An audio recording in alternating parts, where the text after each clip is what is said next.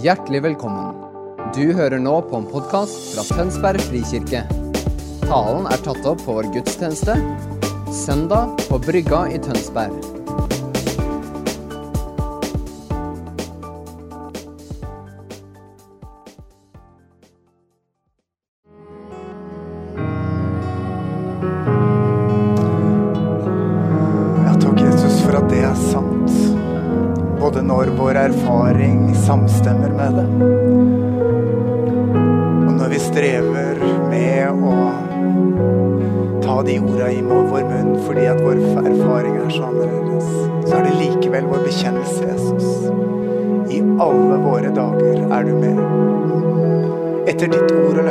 Har sagt det. Jeg er med dere alle dager.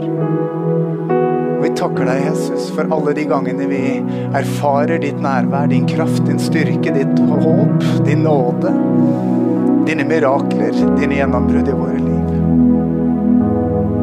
Så takker vi deg like mye, Jesus, for den, de erfaringene av at når vi går i et veistykke som er krevende, og hvor det ikke er lett å se, så er du veien. Så er du sannheten. Og så er du det livet som vi lengter etter å omfavne og leve ut. Og som vi vil at skal folde seg ut i våre liv. Jesus, vi løfter vårt blikk mot deg, og vi sier du er vår Gud. Det er i deg vi lever og rører oss og er til. Det er i deg livet vårt Og jeg ber Jesus om at du ved din ånd folder ut denne sannheten for din indre. Kom med åpenbaring sånn, Jesus, så vi ser deg mer. Få kjenne deg dypere. Åpenbar ordet ditt for oss denne formiddagen, så vi griper mer, av hvem du er, og hvem vi er i deg, og hva du har sagt over oss.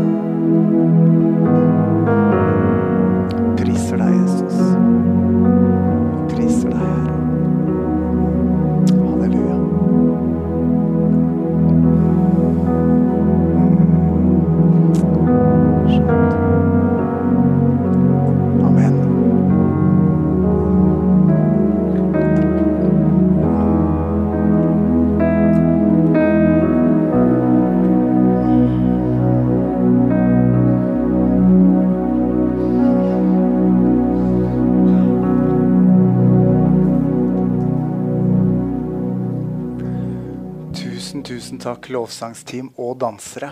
Gi dem en applaus, dere. Ha? Mm.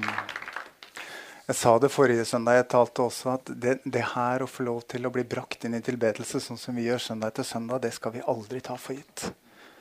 Tusen, tusen takk. Nå er jeg spent på om skjermen vil samarbeide med meg. Vil den det?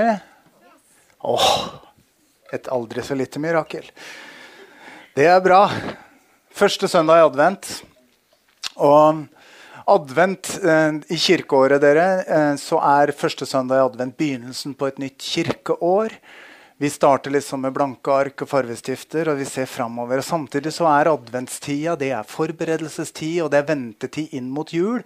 Og mens hele vårt, eh, vår samtid og vår, det, samfunnet har hoppa over fasten, nei, adventen og begynt på jul for lenge siden, meg selv inkludert Jeg elsker disse spillelistene med gamle juleklassikere på Spotify.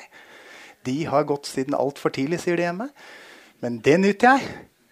Men det gjør jo ingenting om vi nyter litt julestemning. Men vi trenger ikke hoppe over advent allikevel. Er dere med?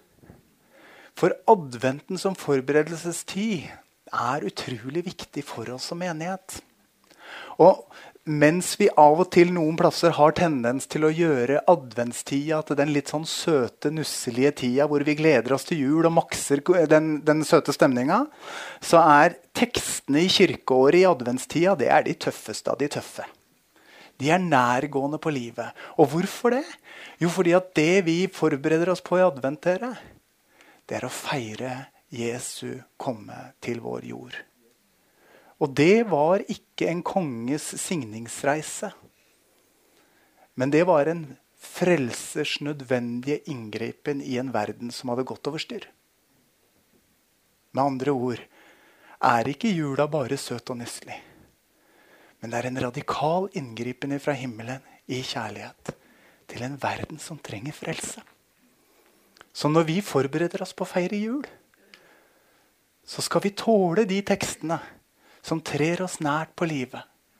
Vi skal tåle denne tida av ettertanke, av sjølransakelse og omvendelse som hører det kristne livet til. For nettopp der, i disse orda som ikke liksom er festtaleord,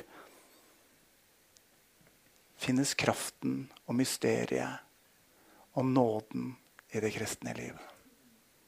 Et happy-clappy gospel funker så lenge livet smiler til deg.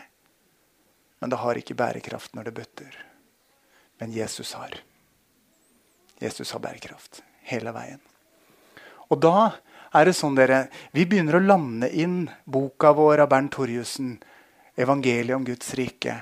Og de møtes her første søndag i advent. For dagens tema handler altså om hvordan blir jeg en borger av Guds rike. Og det knytter han til det, nei, bare gå tilbake igjen. Eh, knytter han til den tradisjonelle adventsspenningen. Jesus kom en gang, det har vi kål på.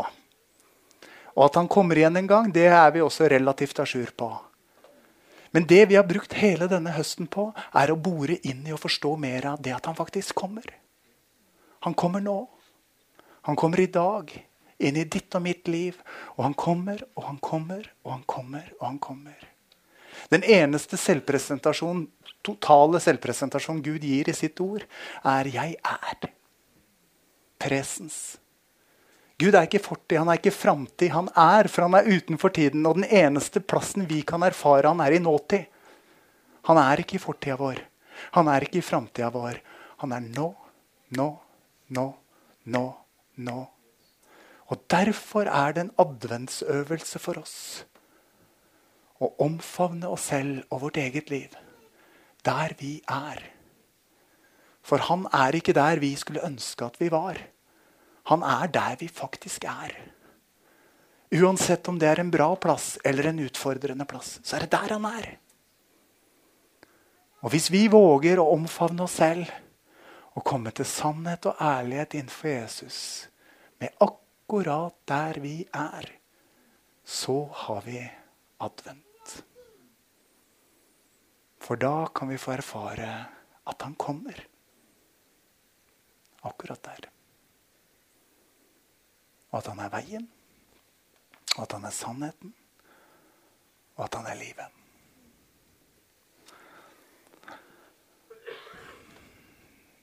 Og det er min bønn dere, at vi gjennom denne prekenserien vi har hatt denne høsten, skal gripe mer av både dybden og spennvidden i det faktum at Jesus kommer. For han kommer ikke bare for å berøre oss. Han kommer både for å innlemme oss i nådens fellesskap. Og for å sende oss ut som ambassadører for et rike. Nådens rike. Kjærlighetens rike. Så begge disse. Men skal vi kunne gi noe, så må vi ta det imot. Og noen ganger, dere, så kan våre liv fade ut i aktivisme eller bitterhet eller eh, hva det nå enn måtte være som gjør at vi mister takten og rytmen og, og kontakten med oss sjøl. Og mister vi kontakten med oss sjøl, så kan, jeg, kan, du være sikker på at du mister kontakten, hjertepulsen og rytmen med Jesus. For det står i ordet at han har tatt bolig i oss. Vi er hans tempel. Han er ikke noe annet sted enn akkurat der vi er. Så enda en understreking ved innledninga til denne prekenen. Omfavn deg sjøl akkurat der du er. Per Arne snakka om sårbarhet forrige søndag. Hvis det er sårbarhet som er din tilstand, vær sårbar. Hvis det er lykke som er din tilstand, vær lykkelig. Hvis du er takknemlig, vær takknemlig. Men vær der du er. Og la Jesus komme til deg der. Det jeg skal si i dag, er så takknemlig for den tungen som kom. For dere hørte at den både var bekreftende på vårt barnekår, men samtidig Var det en brodd eller en utfordring der? Og det er det budskapet som er lagt på mitt hjerte òg. Det er både en understrekning av hva han har gitt, og hva han inviterer oss til å ta imot. Men det er også en utfordring i det jeg skal si til dere i dag. For dere, det er forskjell på å kjenne til og å kjenne Jesus. Det er forskjell på å ha hørt om Jesus og ha tatt han imot som frelser og herre i livet. Denne første søndag i advent har jeg lyst til å snakke litt om hvordan kan jeg være sikker på at jeg er en kristen? Hvordan kan jeg være sikker på at jeg er på vei til himmelen? Hvordan kan jeg ha frelsesvisshet? Og Hvis alle dere tenker at det der har jeg på plass, så er det i hvert fall for pastoren når pastoren preker. da. For midt i alt vi holder på med, og midt i alt hva jeg er opptatt av, så kan det allikevel være grunn til å stoppe opp og spørre seg er jeg egentlig på plass.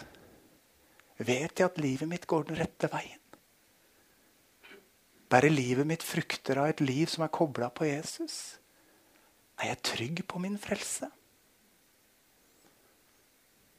Det fins nemlig mennesker som når livet bytter på, plutselig finner ut at oi, jeg trodde jeg var på plass, men jeg, jeg var det ikke i det hele tatt. Og jeg vil ikke skremme noen av dere ut av en frelsesvisshet dere har. Så hvis dere er der, velsigne dere i det.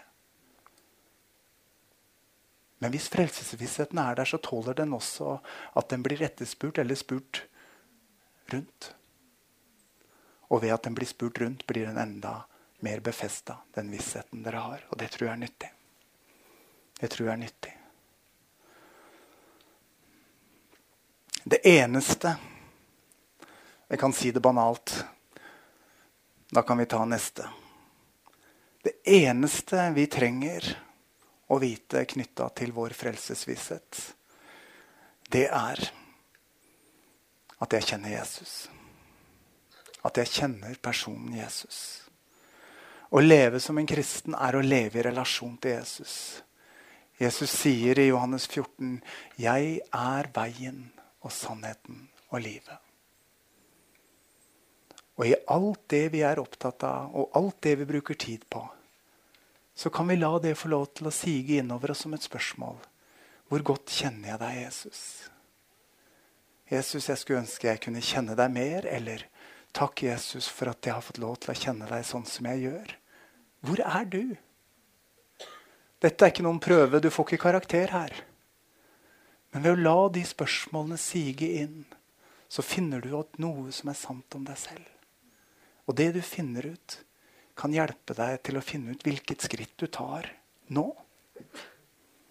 Det eneste vi trenger å gjøre for å bli kristne, det er å ta imot Jesus, sier vi. Og slippe han inn i hjertet.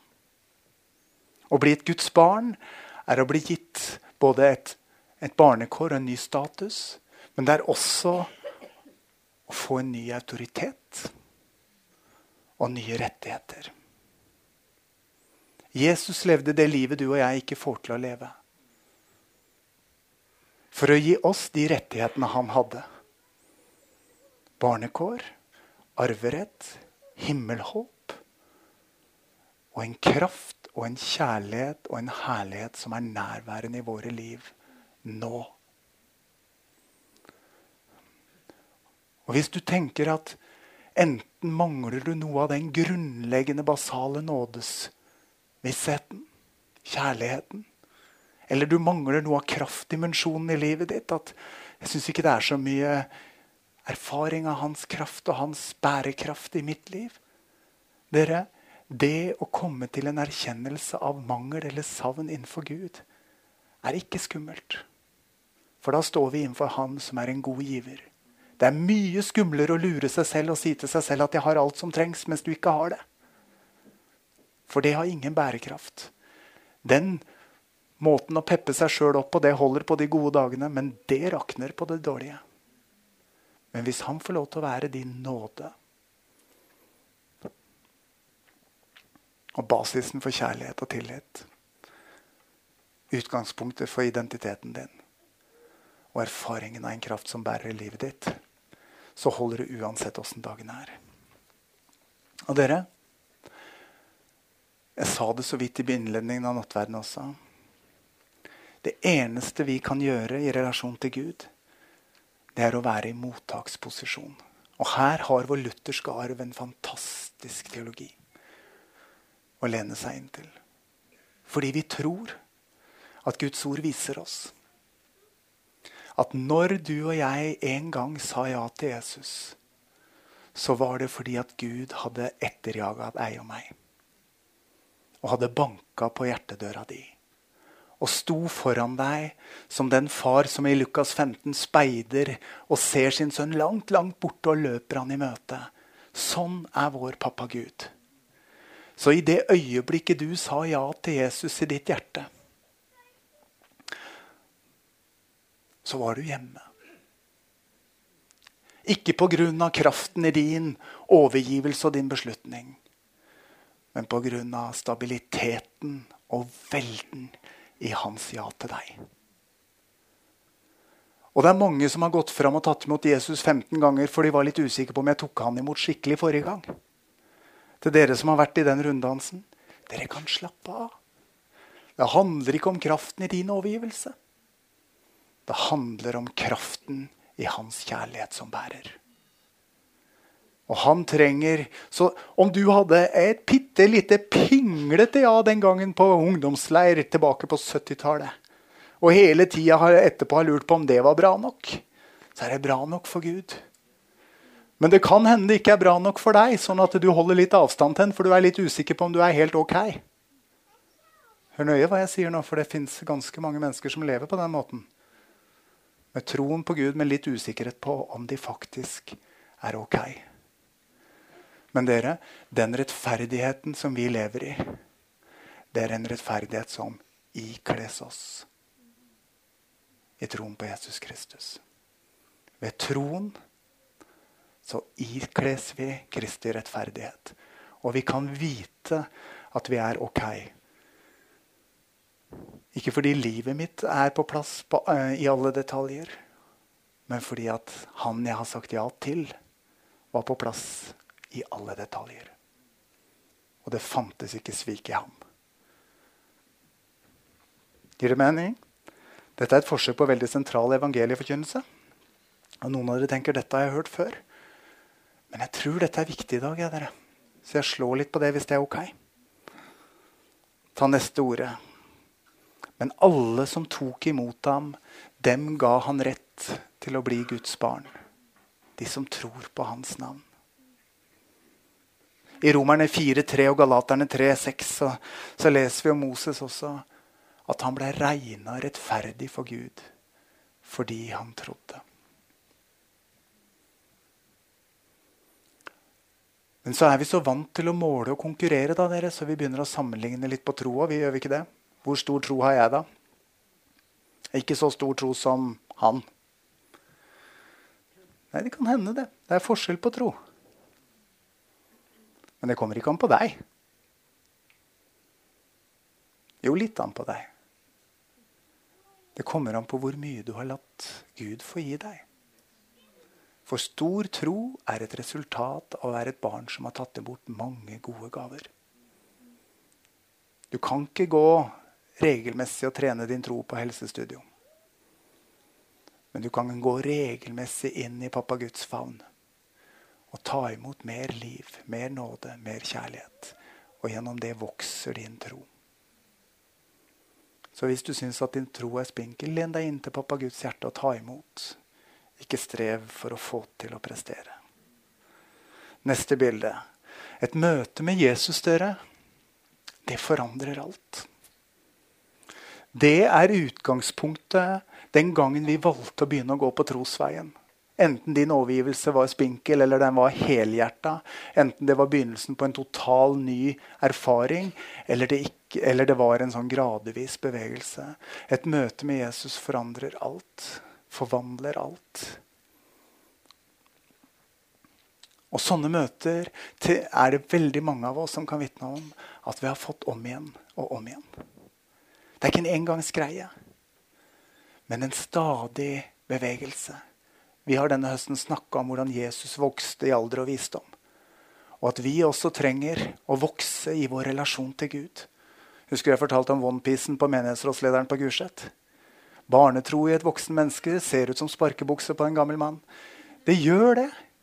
Fordi at troen er ment å vokse og modnes i deg, akkurat som alt annet vokser og modnes. og eldes, kanskje. Ja, det trenger vi ikke snakke om. Å høre om Jesus forandrer ingenting, men å møte han forandrer alt. Det er forskjell, dere. Og Du kan få lov til å la det spørsmålet hvile over deg uten at det truer deg. For har du tatt imot Jesus, så har du alt. Men allikevel kan du allikevel få lov til å be den bønnen. Jesus, jeg trenger å møte deg på nytt. Jeg trenger at du møter meg, at din ånd griper tak i meg. At du gir meg åpenbaring av hvem du er på nytt. At jeg får lov til å kjenne at det tar tak i meg. Jeg trenger å kjenne deg mer, Jesus. Det er en bønn Gud gjerne besvarer. Jeg tok med meg et bilde av Charlotte Rørt. Noen av dere husker den boka hun ga ut i 2015. Veldig fascinerende. Reiselivsjournalist fra Danmark. Ja, det var dårlig. Unnskyld henne. Um, uh, oi, oi, oi. Ble jeg flau på egne vegne? Uh, Danmark, i hvert fall. Hun var reiselivsjournalist. Var på tur til Spania. I et kapell, i et sakristi i et kapell i Spania så får hun en åpen visjon av Jesus. Jesus velger å åpenbare seg for henne, sånn at hun ser hans skikkelse. Og så beskriver hun i den boka Det der er eh, forsida på boka hennes. Da jeg møtte Jesus. Hvordan hele hennes liv blir forvandla. Hun kjente ikke Jesus, hun hadde aldri vært en kristen. Men møtet med Jesus forvandler hele livet. Og Hun forteller at hun går igjennom sånne sykluser som vi gjør når vi blir forelska. Hun stoppa å spise, hun gikk ned to størrelser i kjole. Hun var liksom helt lost i Jesus. Jeg har aldri gått ned to størrelser når jeg har hatt en god erfaring med Jesus. Men, men han har sannelig endra på prioriteringene mine. Og snudd opp ned på livet mitt. Hver gang jeg har fått lov til å møte ham på en ny, gjennomgripende måte som gjorde at plutselig prioriteringene ble annerledes, fokuset ble annerledes, og livet tok form på en ny måte. Å kjenne til han og la han bevege seg her oppe i tanken forandrer ingenting. Men å møte han på djupet forandrer alt. Paulus på vei til Damaskus får dette møtet med Jesus i et sterkt lys. Han får ikke åpenbart Jesus skikkelse engang, men han, han møter Gud gjennom et sterkt lys som forvandler en forfølger til en etterfølger. Et totalt skifte. Og så er det noe her, dere, for alle de av oss som har vokst opp i tro. Hvor mange er som tenker jeg har vokst opp i tro? Jeg har gått fra min barnetro til min voksentro. Ja, se der, det er mange. Og dere kan få lov til å la være å gjøre sånn. Dere kan til og med gjøre sånn. Og det er flott. Å få lov til å vokse opp i tro er en enorm velsignelse. Men det er én ting som gjør uh, det litt utfordrende. Og det er at når vi hører mennesker som har levd helt uten Gud, og som så sier ja til Jesus og får Den hellige ånd på innsida og får kontakt med hvordan det er når himmelen flytter inn, så snakker de om fra mørke til lys, et før og et etter. Er dere med? Mens vi som har vokst opp i tro, for oss har jo dette vært en, en vandring i stadig stigende terreng. Hva? Det er ikke noe før eller etter, men bare en gryende, voksen erkjennelse av hvem Gud er, hva Jesus har gjort, hvem jeg er i Han. Men dette gjør at det er veldig vanskelig for oss å skille mellom hva som er Gud i meg, og hva som er meg. Er det noen som følger meg i tanken? Og veldig ofte da tenker vi at det er bare meg og veldig lite Gud. Og jeg, er, tvil, jeg er, nesten litt i tvil om jeg kjenner Gud, for jeg har, bare, jeg har egentlig levd med han hele livet. da, skjønner du? Og det er derfor jeg ikke kjenner han, tror jeg. Fordi at det er jo bare meg her. Eller altså Jesus også. Skjønner du hva jeg mener? Ja, det er akkurat så forvirrende som jeg prøver å fremstille det nå. Men det skulle være utgangspunktet, dere, for at vi kunne hvile. Ta neste ark. Dere, det å være en kristen, det er å være et levende mirakel. For det å være en kristen, det er å være født på ny. Det er å erfare at himmelen har flytta inn. Himmelen har flytta inn. Ingen av oss kan bekjenne troen på Jesus Kristus uten at hele himmelen har flytta inn. Og det er veldig dumt Ta de neste orda her. Å være et Guds barn er å bli født på ny. Ja. Det er ikke, det er ikke, de er ikke født av kjøtt og blod, ikke av menneskets vilje, ikke av manns vilje, men av Gud. Og så andre kor fem. Om noen er i Kristus, er han en ny skapning. Det gamle er forbi. Se, alt er blitt nytt. Og hvorfor skal vi som har vokst opp i tro og som har kjent Jesus hele livet, på død og liv prøve å eh, separere det han har forent? For å liksom finne ut av hva er Jesus, og hva er meg? Når Jesus sier at det fins ikke noe Jesus og meg, men det er et vi. Etter at vi har blitt troende. Dette må vi avsløre. Fordi da kan vi lande i at når jeg ikke får til å skille mellom Jesus og meg, så kan jeg si takk, Jesus, for at jeg ikke evner å skille mellom deg, meg og meg alene. For da har jeg frelsesvisshet. Og så kan jeg fremdeles få lov til å be om nye møter med Jesus. Ny erfaring av at han taler til meg. Ny åpenbaring i ordet. Ny erfaring av hans berøring.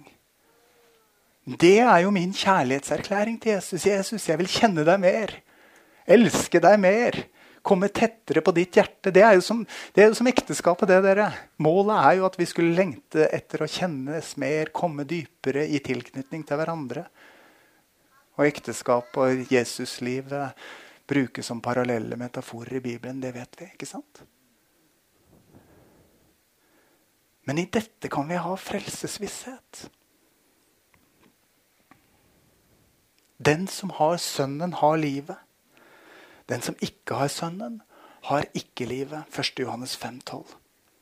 Og dere, akkurat på det punktet så er det viktig å ikke være raus og inkluderende, men tydelig og inviterende. Jeg skal si det en gang til.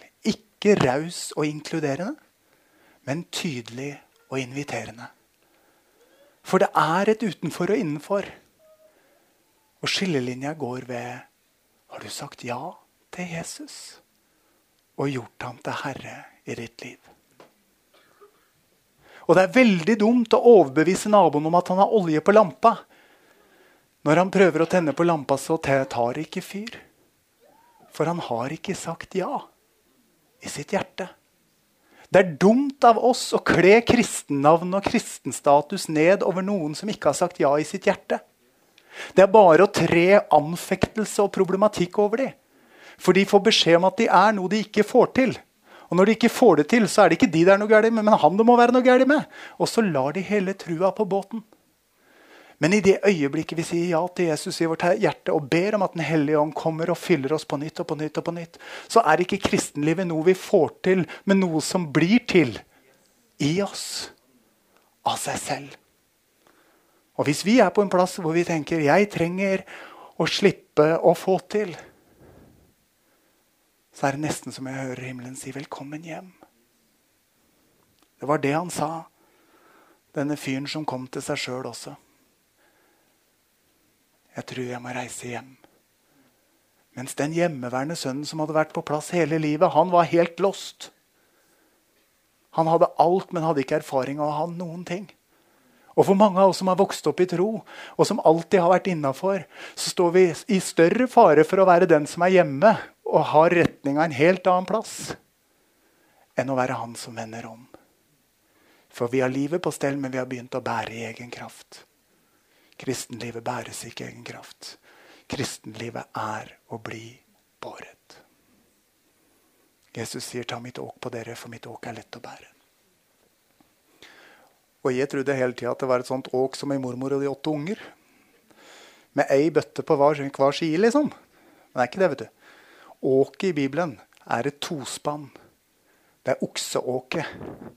Så når Jesus inviterer oss til å ta sitt eh, åk på oss, så er det at vi får lov til å spenne på der han er storebror, herre og frelser, og drar hele åket. Og vi får være lillebror og lillesøster og sprelle uten bakkekontakt og tenke 'nei, se hva jeg drar'. Det er kristenlivet. Det er kristenlivet.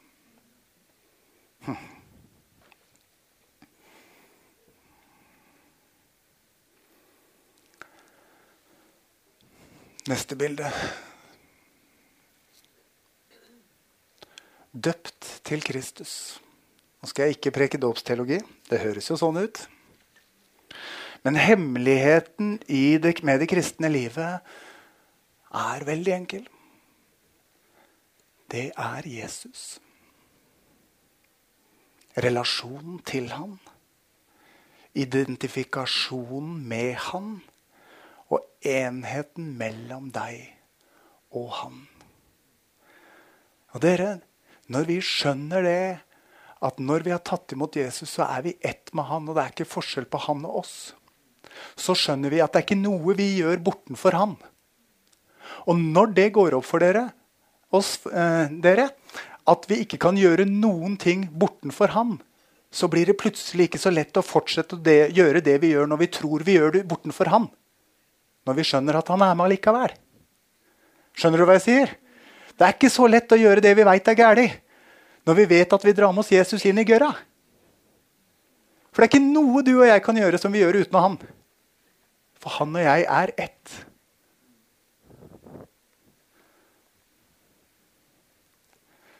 Det var egentlig ganske nærgående, var ikke det? Men vet du hva? Han tåler det. Så la ikke det jeg sa nå, være til fordømmelse. Alle har vi våre plasser hvor vi snubler oftest. Og på noen av mine vandringer fram mot frihet på mine plasser, så var det så deilig. For Jesus han telte ikke hvor mange ganger jeg hadde snubla. Men han hviska meg i øret at han telte ned, og nå er det bare så og så mange ganger igjen til du slipper helt taket. Det er nådens perspektiv, dere. Ikke for at vi skal ta lett på at livet blir trøblete når vi gjør feil, men for at vi aldri skal miste nåden av synet. Gir det mening? Men Romerbrevet 6 sier, eller vet dere ikke, at alle vi som er døpt i Kristus Jesus, ble døpt til hans død? Vi ble begravet med han da vi ble døpt med denne dåpen til døden. Og som Kristus ble reist opp fra de døde ved sin fars herlighet, skal også vi vandre i et nytt liv. Har vi vokst sammen med Kristus i en død som er lik hans, skal vi også være ett med Han i en oppstandelse som er lik Han. Dere, denne enheten med Jesus må Den hellige ånd åpenbare for hver og en av oss.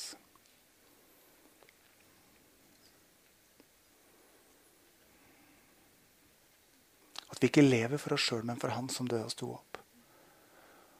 Og at vi faktisk lever det livet hvor Jesus får lov til å være herre. At det ikke handler om hva jeg vil, og hva jeg trenger, men om hva han veileder til, og min lengsel etter å justere min vilje og min handling inn i tråd med det. Da er vi borgere av Guds rike. For vi har en del av det riket hvor det er én som er herre, og det er Jesus. Dere, det å leve dette livet som Jesu etterfølger, handler nettopp om det at jeg lever ikke lenger sjøl, men Kristus lever i meg. Det livet jeg nå lever, lever jeg som menneske av kjøtt og blod. Det lever jeg i troen på Guds sønn, som elsket meg og ga seg selv for meg.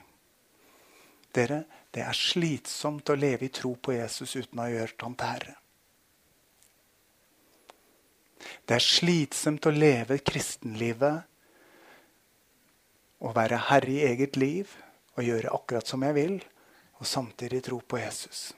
Det fører til mye skyld og mye skam. Og det fører til at vi begynner å tenke at uh, denne Jesus virker ikke. Men problemet er ikke at Jesus ikke virker. Problemet er at du og jeg ikke har gjort ham til herre. Hans nåde Ingenting kan skille oss fra Guds kjærlighet til Kristus Jesus. Det er helt sant. Men hvis vi fortsetter å være herre i eget liv istedenfor å ta til oss kristenlivet på alvor, og gjøre ham til herre, og la han, filipperne 2.13, virke i oss så vi vil og gjør etter hans vilje, så er det som å prøve å kjøre tog på skinner hvor, hvor spora ikke går parallelt. Det blir veldig vanskelig. Så hvis du er der at ja, du har tatt imot Jesus, men du gjør egentlig som du vil, og så ber du han reparere det som går mest galt, så er det en mulighet denne adventen dere, til å ta imot dette ordet som lyder nå, og si ja, men Jesus, du og jeg er ett. Og jeg vil ha deg ikke bare som frelser og redningsmann og trøsteklut, men jeg vil ha deg som Herre, som livgivende kraft og som miraklenes Gud i min midte. uten overgivelse blir kristenlivet lett et happy-clappy gospel så lenge livet blir bra. Men et krevende prosjekt når livet butter. Men det er min erfaring dere, at når Jesus får være herre, og livet butter Og det er ingenting i meg og deg som har lyst til å bevege oss fra der vi er nå, og til der han peker på og vi allikevel gjør det han sier fordi vi stoler på at han er kjærlighet og vil oss vel, så fører Jesus oss igjennom de trange passene i livet på en måte som ingen av oss klarer å finne veien på egen hånd. Jesus har ikke lova oss et happy-clappy liv. Men han har sagt at han er veien, sannheten og livet. Han har sagt at han er med oss både på høyden og i dødsskyggens dal. Og da har vi en ressurs i livet dere som ingen andre. Jeg skal begynne å lande.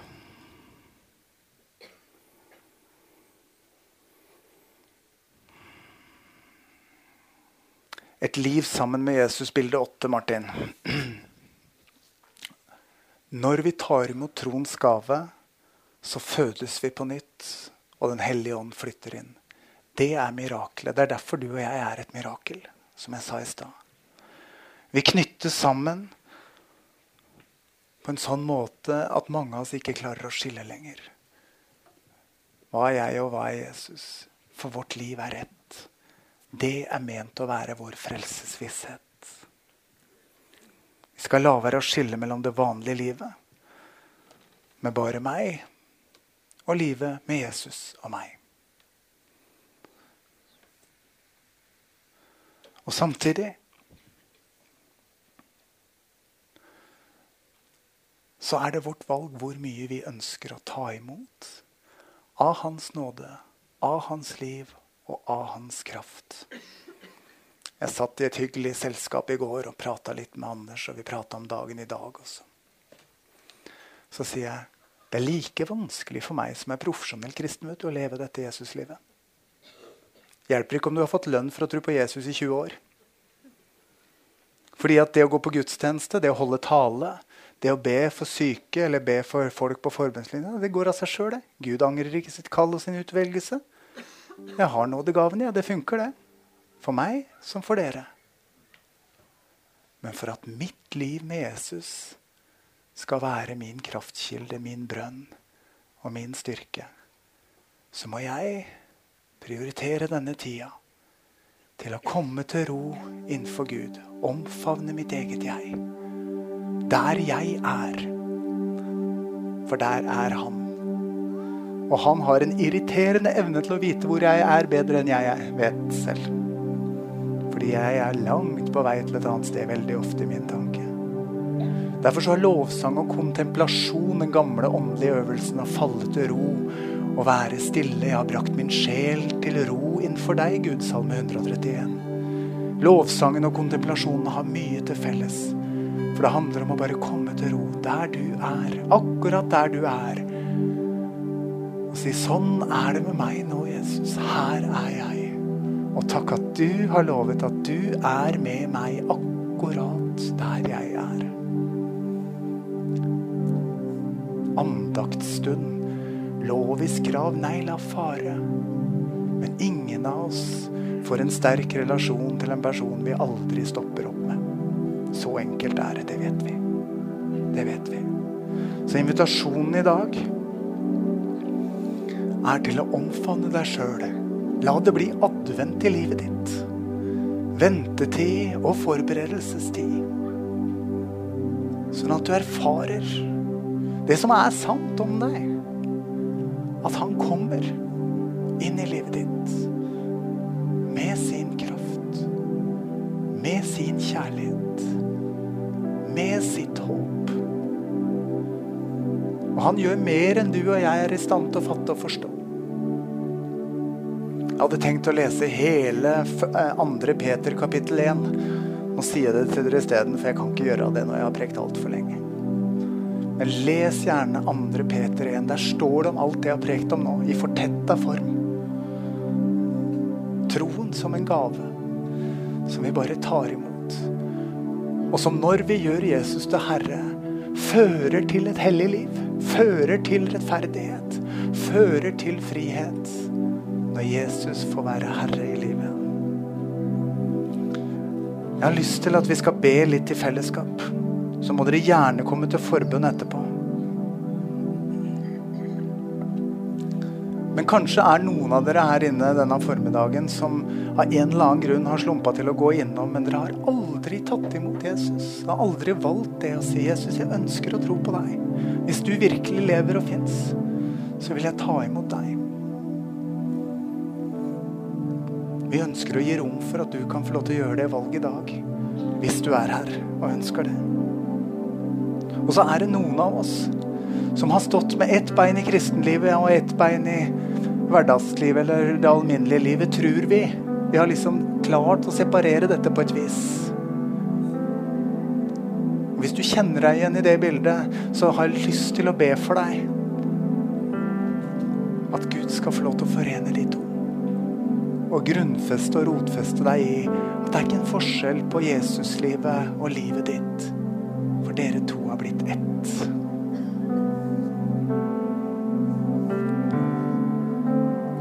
Og så er det noen som har trodd hele livet, men aldri kjent at det har begynt å flyte. Jeg har lyst til å si til deg Stol på at troen frelser deg. Men ta ikke til takke med en tro på sparebluss.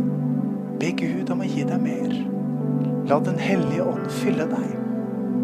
Sånn at det livet fra Gud som du har full adgang til Du har barnekår og arverett, og alt er ditt. Ikke ta til takke med litt, men be om mer. De tre stega har jeg lyst til å be. Og jeg har lyst til å be det kollektivt. Så nå ber jeg alle sammen om bare å lukke øynene. Så skal dere få gå til forbund etterpå. Der er det folk som vil be for dere for dette og for alle andre ting. Men nå er det dette. Hvis dere lukker øynene deres nå sånn at bare jeg ser, og jeg skal ikke rope 'Nei, Per, det var fint at du rakk opp hånda'. Du skal få være innenfor Gud med deg selv. Er du her som ikke har tatt imot Jesus, men som kjenner at du har lyst til å gjøre det valget i dag, så be om at du rekker opp hånda nå mens ingen andre ser på. Så vil jeg be for deg.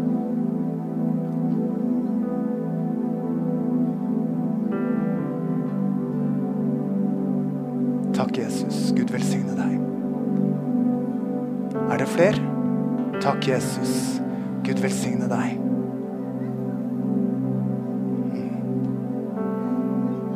Da ber vi alle sammen frelsesbønnen, så ikke de to som rakk opp hånda, skal være alene. Jesus, jeg takker deg for din nåde og tilgivelse. Takk for at du døde og sto opp for meg. Takk for at du gir meg troens gave. Og flytter inn i mitt hjerte når jeg sier ja. Kom inn i mitt hjerte, Jesus. Fyll meg med din ånd, Jesus. Jeg vil leve med deg, Jesus. Du er min frelser og Herre. Amen. Dere to, kom gjerne frem, så vi kan prate med dere etterpå hvis dere ønsker. Så lukker vi øynene igjen, og så vil jeg at dere som kjenner At dere har stått med ett bein i hver lei og liksom har tenkt at mitt liv er én ting og Jesus' liv er en annen ting, og ikke riktig fått dette til å gå i hop. Hvis du ønsker at disse to skal smelte sammen i dag, at du kan få lov til å virkelig ta fatt på det livet uten at du skal liksom stå i en spagat hele tiden.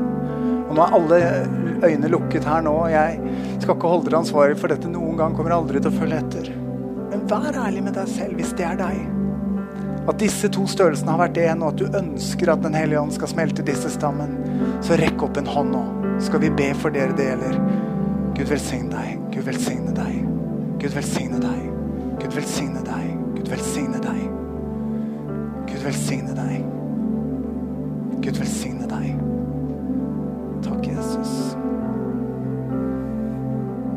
Kan ta ned hånda. Herre Jesus, jeg ber om at du nå gjør nådens under på nytt.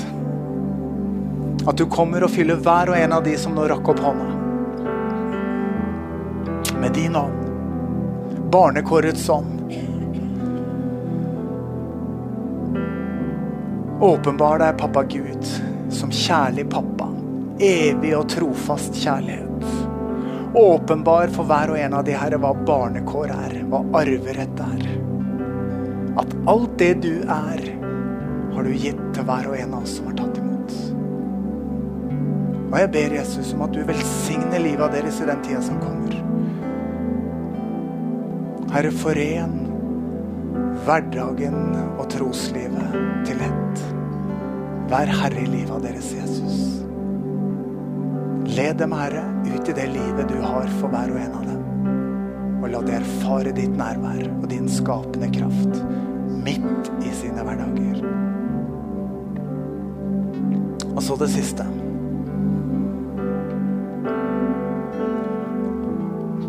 Hvis du når du skal være ærlig kjenner at jeg har trodd hele livet, men jeg syns aldri det blir noe greie på det. Prøver så godt jeg kan nå. Ønske det var noe mer. Altså vet Gud hva du trenger. Og hvis du vil ha, så vil han gi. Og hvis du er villig til å ydmyke deg innenfor Gud, ikke overfor de andre, for vi sitter fortsatt med øya igjen Hvis du sier 'Jeg vil ha mer av Den hellige ånds kraft', jeg vil med, ha mer av Jesus i mitt liv, så rekk opp en hånd. Nå kommer jeg ikke til å si 'Gud velsigne deg', for det tipper jeg gjelder mange. Ja, takk, Jesus. Takk, Jesus. Dere kan ta ned hånda. Ja, Herre Jesus, så, så står vi innenfor deg denne formiddagen som menighetsfamilie, og så ber vi. La din hellige ånd fylle oss på nytt. Herre Jesus, vi er trøtt av det kristenlivet vi forsøker å få til i egen kraft. Vi ønsker å leve det livet sammen med deg, hvor du virker i oss det du vil. Og Jesus, jeg ber all nådes Gud. Gi oss å være nådige med oss sjøl. Gi oss å omfavne oss sjøl og tåle oss selv. Sånn at vi kan erfare det som har vært sant fra evigheten. At du tåler oss så godt, og at du omslutter oss med evig kjærlighet. La det være utgangspunktet for hver dag vi lever. At vi er elska. Verdsatt. Kom, Hellige Ånd, og gjør din gjerning i oss. Så vi både vil og gjør etter din gode vilje.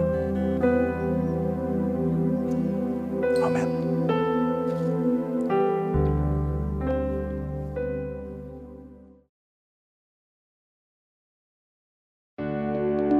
Takk for at du hørte på vår podkast. Har du spørsmål eller ønsker du å vite mer?